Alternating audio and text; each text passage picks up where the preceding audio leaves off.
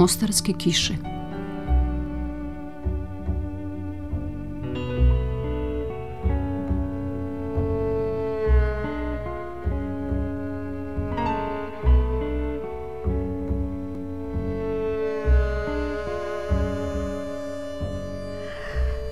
Kad sam trebala da izađem iz Mostara, padale su još uvijek granate i bilo je jako opasno da se kreće. Granate padaju danas na moje prijatelje, ja imam kontakte.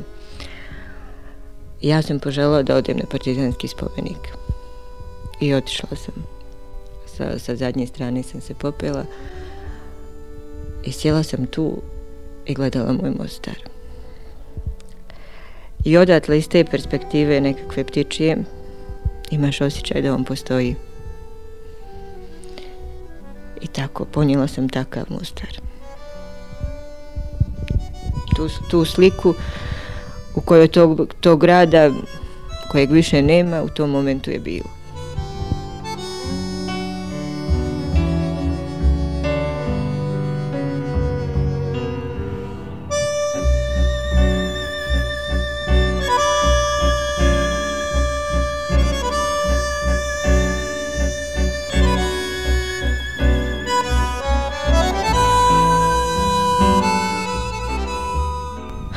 Pa 3. aprila je eksplodirala cisterna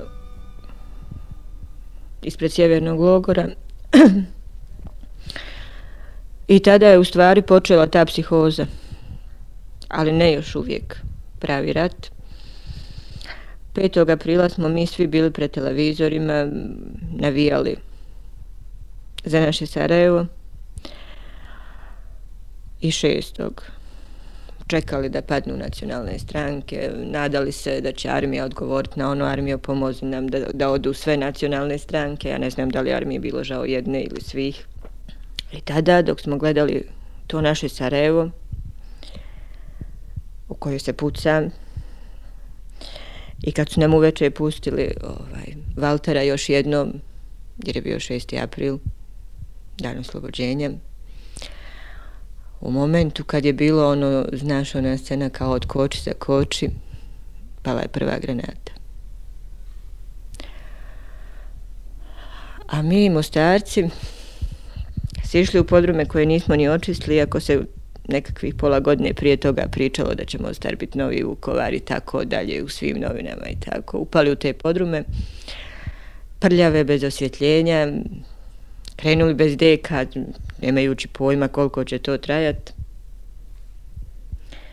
Drhtali svi zajedno, pitali se odakle idu granate i kogod bi progovorio glasno govorili kao, kao da nas čuju tamo, znaš. I tako, ano, noć prije toga naši mostarci, pošto sam ja stanovala u oficirskom dijelu grada, I ne samo tu noć, nego par noći prije toga pjevali su pod našim prozorima kozaračko kolo. Bila je nekakva harmonika. Govorili ne damo armiju, to su naše komšije.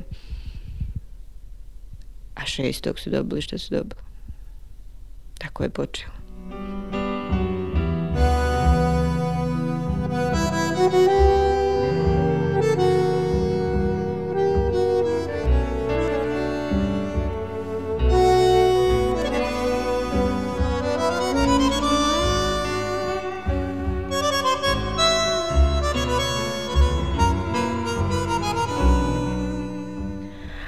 Podrumu, u podrumu smo bili svi zajedno. A pričali smo tako, imali smo našu divnu i dragu teta Zagu, koje sad možda i nema jer je nestala 30. augusta, koja je tako, ono, znala da kaže u, u sred tog našeg drhtanja u podrumu, onako sva zamišljena, Bože, šta li je bre rodila znaš, tako.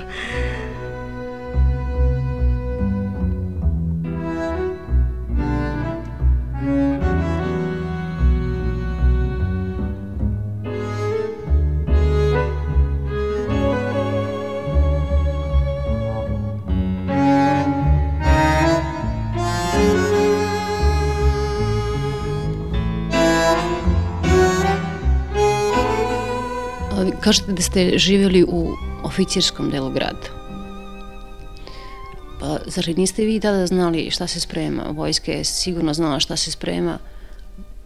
Pa niste otišli ranije iz Mostara?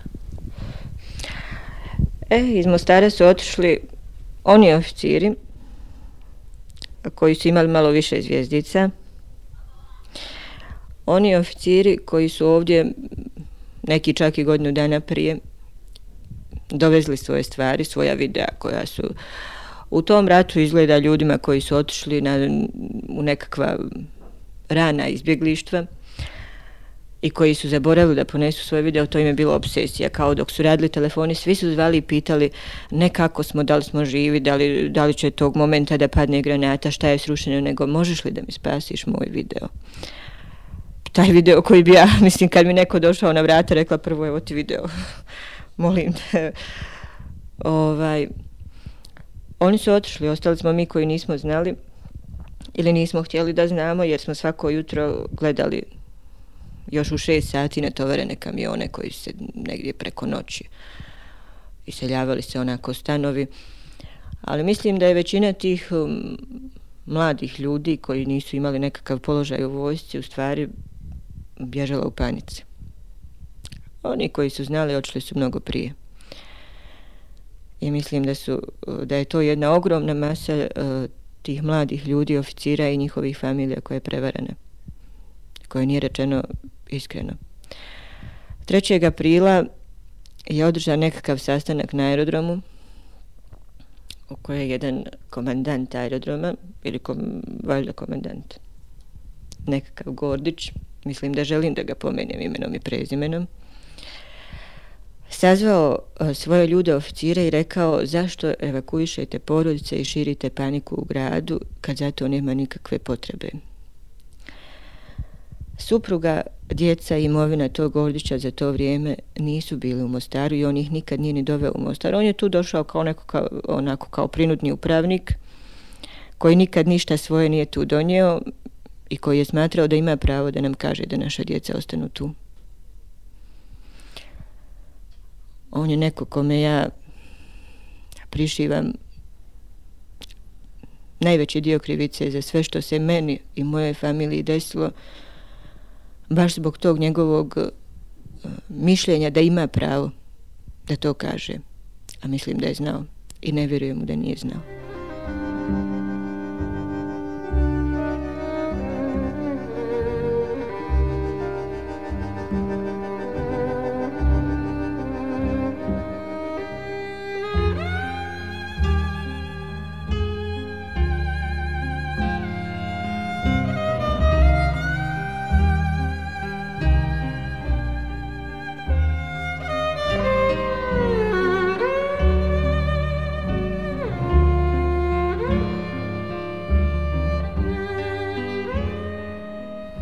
5. aprila ili 6. kad je to počelo, više nisam sigurna, su ovaj nestala dva pilota.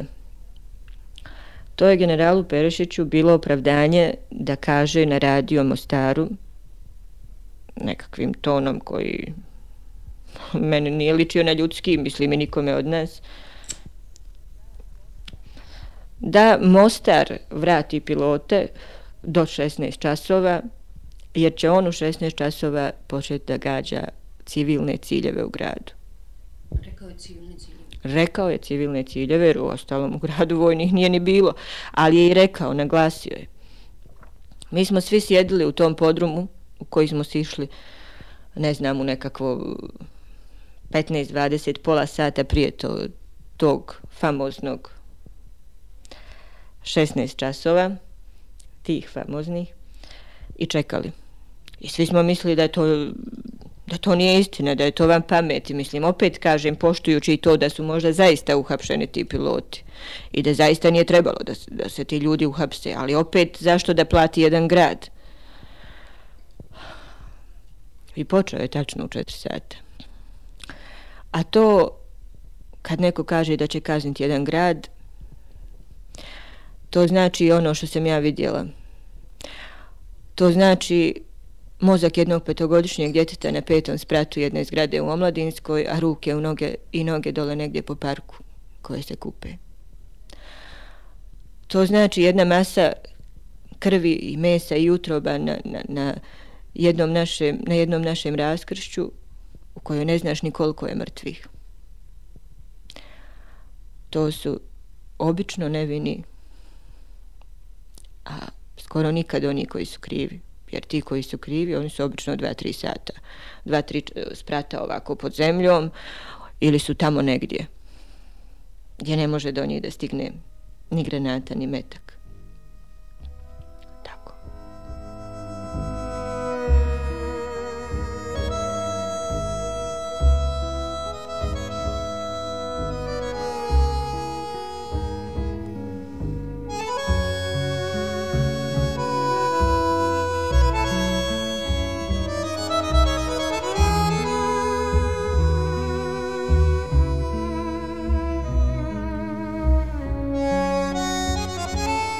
Ja sam našla u, u našla nekakav broj telefona u generalštabu i dobila sam slučajno jednu divnu ženu čije ime ne znam i nije mi se predstavila i kojoj sam rekla kao ženi onako u tom uzbuđenju u svemu tome što se dešavalo šta se dešava u Mostaru i ona je vjerovatno slušala ovdje jednu drugu priču. Ona je zaista bila potpuno iznenađena i jednostavno izbezumljena svim tim što je ona je meni dala broj, brojeve telefona, čak i tad je bio Adžić, ovaj, kako se kaže, s, sekretar taj Narodno, za, narodnu. za narodnu odbranu. Čak i broj njegovog kabineta, dala mi je broj kabineta Vuka Obradovića, ja sam tamo razgovarala s nekakvim ljudima, do duše ne, ne baš sa generalom Adžićem, jer on nije smatrao da treba da razgovara sa mnom.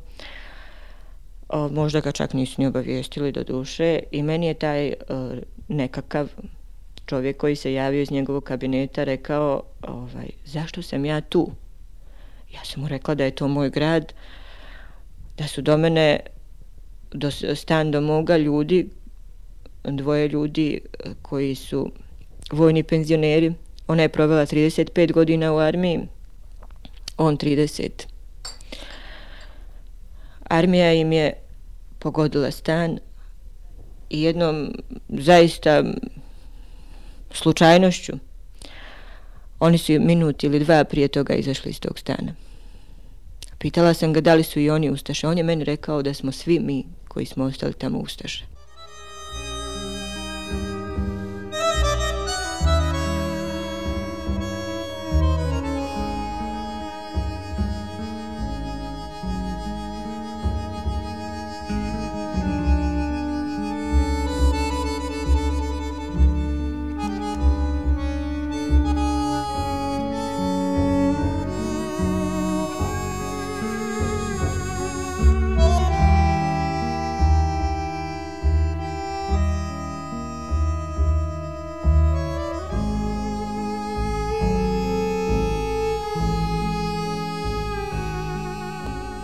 Ovaj, ja nisam imala oružje i mislim i tvrdim da je mnogo lakše onima u ovom ratu koji drže nekakve puške u rukama, bilo na kojoj strani, mislim lakše, ne lako, ili onima koji u ovom ratu imaju svoju stranu pa ono misle mi smo potpuno u pravu, a oni tamo svi ne valjaju, mislim da je njima lakše psihički. E, pošto ja nisam imala ni pušku, ni, ni to da su neki naivni i nevini, a neki ovaj, genocidan narod. Ovaj, ja sam ono što sam prije rata kao imala jednu sliku, odnosno jedan e, izliveni lik, e, profil predsjednika Tita, e ja sam imala to da se okružim Titovim slikama i okružila sam se. Bile su po čitavom stanu, a oni su ulazili, izlazili, neki su kao jedan dečko od tih koji je dolazio u premetačinu nije ovaj ga milovali. On je naišao pored te slike, samo je pogledao i pomilovao. A neki su htjeli da je slome. bilo ih je raznih, ali ovaj, taj moj inat, to da sam imala tu Titovu sliku i da sam imala jednu kasetu na kojoj je bilo moje Sarajevo u augustu kad je htjelo mir, to da sam imala moju tetazagu Srbijanku da me drži za ruku u najtežim trenucima, jer ja tu nisam imala ni majku, ni oca, ni, ni dijete, ni sestru, svi su bili, ni brata, svi su bili tamo negdje daleko. To da smo mi sjedli za jednim stolom i jeli čitav taj rat, a jedno, jedan od nas je bio ortodoksni Jugosloven, odnosno ja. Bio je jedan rade koji je poslije 30 godina u armiji, koji je otišao sa 15 godina, negdje usput zaboravio gdje je rođen, ali se ponosio i ovim Soluncima i onim Karadžorđem, dakle jedan srbijanac. Jedna perica Hrvatica koja je sa Hvara, koja je u onom ratu izgubila oca partizana. Jedna teta Zaga Šapčanka koja je znala da kaže u čitavoj toj panici Bože šta je rodila Brena i jedan čika Blago je makedonac koji je sedam godina čuvao jednu golubicu bez krila koji je bio u dretelju u logoru i nije htio da ode u razmjenu jer je htio i dalje da bude mostarac. Imala sam sve to kao odbranu.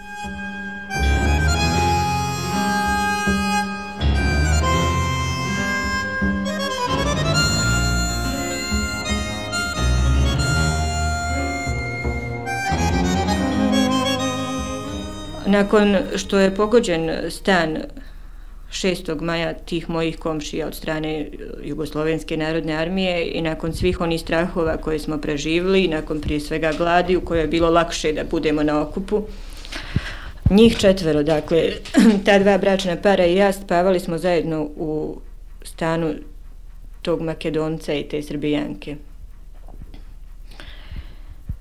Taj moj čika Blago je Makedonac sa svojom golubicom bez krila i sa svojom kolekcijom satova kojih je bilo, ne znam, stotinjak u tom stanu.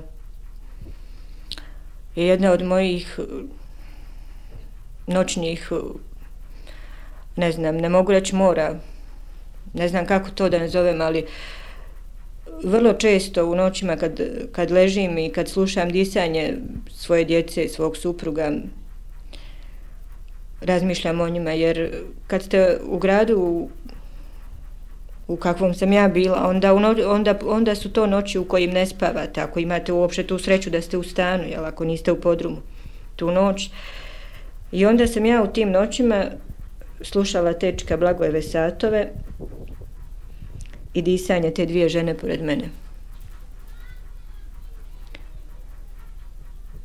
I tako ovdje u Beogradu probudila, se, probudila me jednu noć to što je moj muž ne znajući da to može mene da povrijedi, stavio iznad moje glave sat. I probudio me taj sat i onda sam čula to njihovo disanje. I opet sam bila tamo. Opet sam čekala zvuk auta koji se zaustavlja. Čekala sam onda korake, da li će ući u našu zgradu, da li će se popet na naš sprat, da li će pozvoniti na naša vrata. Opet je u meni bio onaj strah i ta bol za njima, za tim ljudima za koje ne znam danas da li postoje, jer ja neću da kažem da su mrtvi. Hoću da se nadam. Bila je noć, 30. august, nekakvih, ne znam, 15 ili mjesec dana prije toga otkrivene su jame na obali koju su držali Srbi, jame koje su oni napunili kad su se povlačili, od kojih je samo na jednoj uborku otkriveno 98 iskasapljenih leševa ljudi koji su izvučeni iz skloništa, dakle, o njihovom godištu ili sastavu, da ne, nema potrebe da se priča. Tada je formiran, pošto je najviše ljudi bilo iz Bijelog polja u tim jamama, taj Bijelopoljski HOS koji je krenuo u svoje osvetničke akcije po noći jer po danu nije mogao jer je HVO pokušavao da se obračuna s njima. I HVO je prije toga i, i ubio Kraljevića i 14 Hosovaca baš zbog tih stvari već su postojale, već je postojala ta velika napetost između HVO-a i HOS-a u, u gradu. Čika Blago je je sedam dana prije toga izašao iz logora u Dretelju. Uspjeli smo da ga otkupimo za nekih hiljadu maraka koje to nismo ni imali, ali dade nam ih jedan šestić musliman, jedan kahriman musliman, neki rundo ili rondo srbin, nakupiše se nekako od raznih ljudi i raznih prijatelja i platili smo njegovu slobodu hiljadu maraka. On je izašao, legao je da spava, jer je još bio iscrpljen. Njegova žena je bila u kupatilu, oblačila spavačicu, a nas troje smo čekali red da im idemo u kupatilo i da legnemo, jer tu noć srećom nije bilo granatiranja ili bombardovanja ili tako, ne znam kako se to sve zove i odjednom se čulo zvono.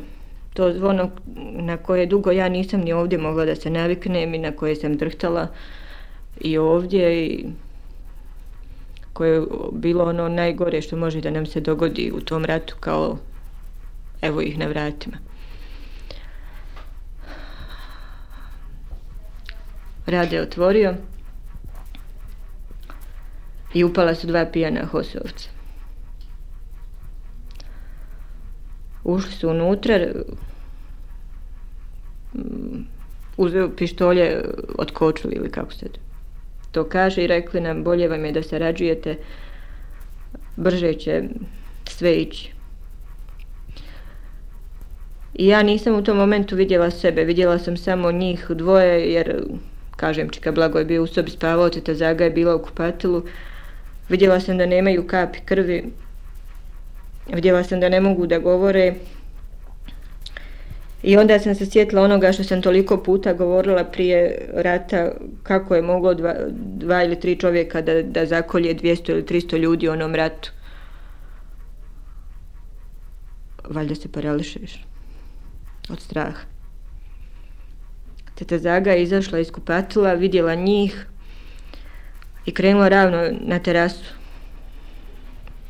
ono što smo mi toliko puta rekli i mislili da ako oni uđu da ćemo imati vremena da odemo na terasu i da mi izaberemo smrt onakvu kakvu mi hoćemo. Ona je pokušavala da se popne na ogradu te terase, a oni su je vukli. Vukli su je nazad, jer su valjda smatrali da ona nema pravo da izabere ni čas, ni način smrti.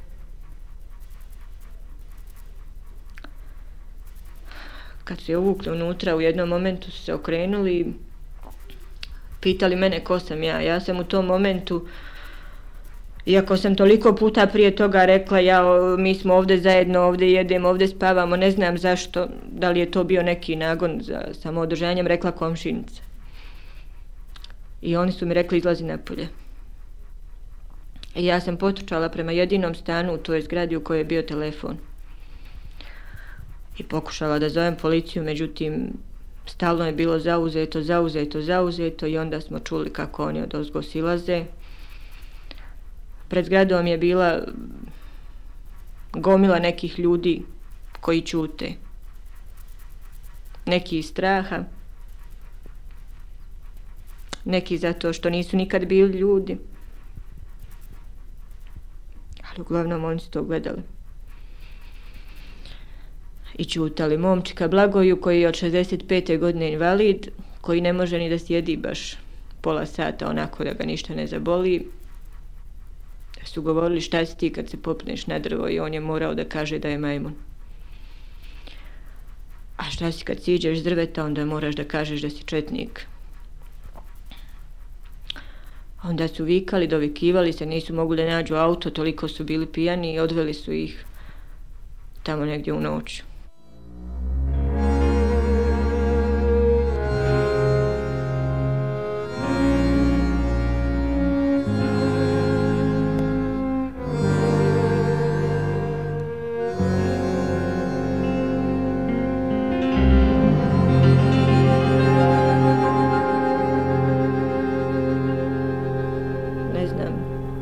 Mislim da to što ja očajnički želim da nađem posao, da je to u stvari i moj pokušaj da, da ostanem normalna.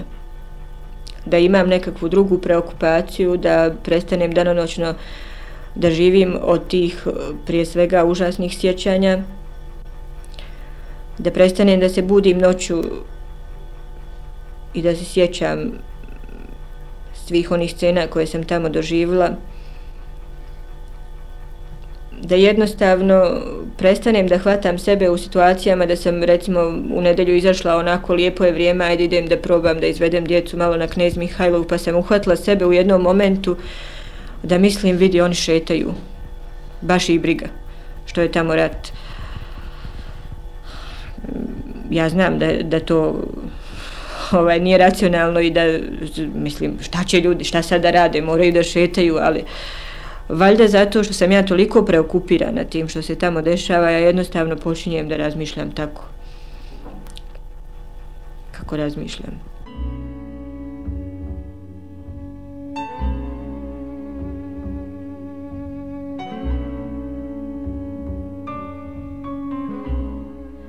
Ovaj, ja sam jako, jako sam ponosna na svoju djecu. I one su ovaj, stvarno ono što me drži, ja njima tako, ovaj, znaš, čitam ostarske kiše, ovaj, u nedostatku nečeg drugog, znaš, ovaj, u Mostaru. I pitam ih da li se sjećaju tih naših šetnji kad smo bacali crvene karamfile u Neretvu i onda one pitaju mama je to onda kad je bio Titov rođendan? I tako, znaš, ovaj, one, one pamte te scene u kojim smo mi u Mostaru pokušavali, znaš, ono, kao, to su bila zadnja zrnca otpora, taj posljednji 14. mostarski februar je bio ovaj dan oslobođenja Mostara to je, to je bila jedna ogromna masa ljudi koja je došla u radno vrijeme po nekakvoj kiši na, na partizanski spomenik i zaista prepra, preplavila uopšte taj dio grada i u kojem nisi nekoliko dana prije toga mogao više da dođeš do Karamfila ovaj. To je bio tako nekakav zna, onako naš otpor svemu tome i uopšte Mostarci su jedni ovaj prekrasni divni ljudi koji imaju jednu ovaj, skoro legendu jednoj svojoj Greti koja je bila nekakva ovaj, radila prije rata u bordelu inače je Habiba ali je Greta od Greta Garbo znaš. I koja je ovaj, govorila uvijek poslije je već bila ovako malo i skrenula i tako, onda bi ona hodala za nekakvim ženama po pijacama i govorila, Kata, Manda, jeli, seljanke, gledate ovaj, E, kao sa brda kako vam majke čuvaju ovce i tako, mislim ovo bez želje da ponižavam neke koji čuvaju ovce, ali ona je imala tu jednu o, strašnu ideju da se ovaj pusti brana iznad Mostara i da onda ovaj isplivaju Mostarci jer ta će jedino Mostar da valja. Ja dugo nisam razumla ovaj tu njihovu ovaj legendu o Greti da bi se ispostavao da su u ovom ratu mostarci ostali mostarci, a oni neki koji su došli, eh, valjda nisu dovoljno volili taj grad. I zato su ga eh, jedni rušili iz brda, a neki ga podrivali iznutra. Eh, I jedni i drugi nisu znali da ga vole. Ja sam eto tako nekako ovaj, zavolila ga na prvi pogled, volim ga i danas. Moje zaista, zaista najljepše uspomene su uspomene na taj grad i, i ta moja panorama sa, sa partizanskog spomenika tog mog grada s koje, iz kojeg sam trebala da odem ovaj, to je onako, znaš, jedna moja slamka znaš, za koju se držim.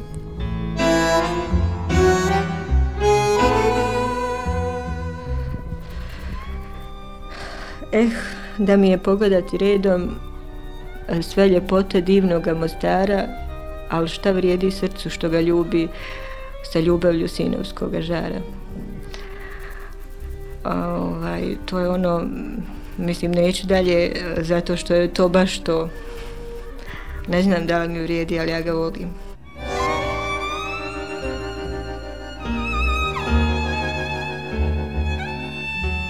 Slušali ste emisiju Mostarske kiše. Emisiju realizovali Svetlana Vuković, Svetlana Lukić i Srđan Stojiljković.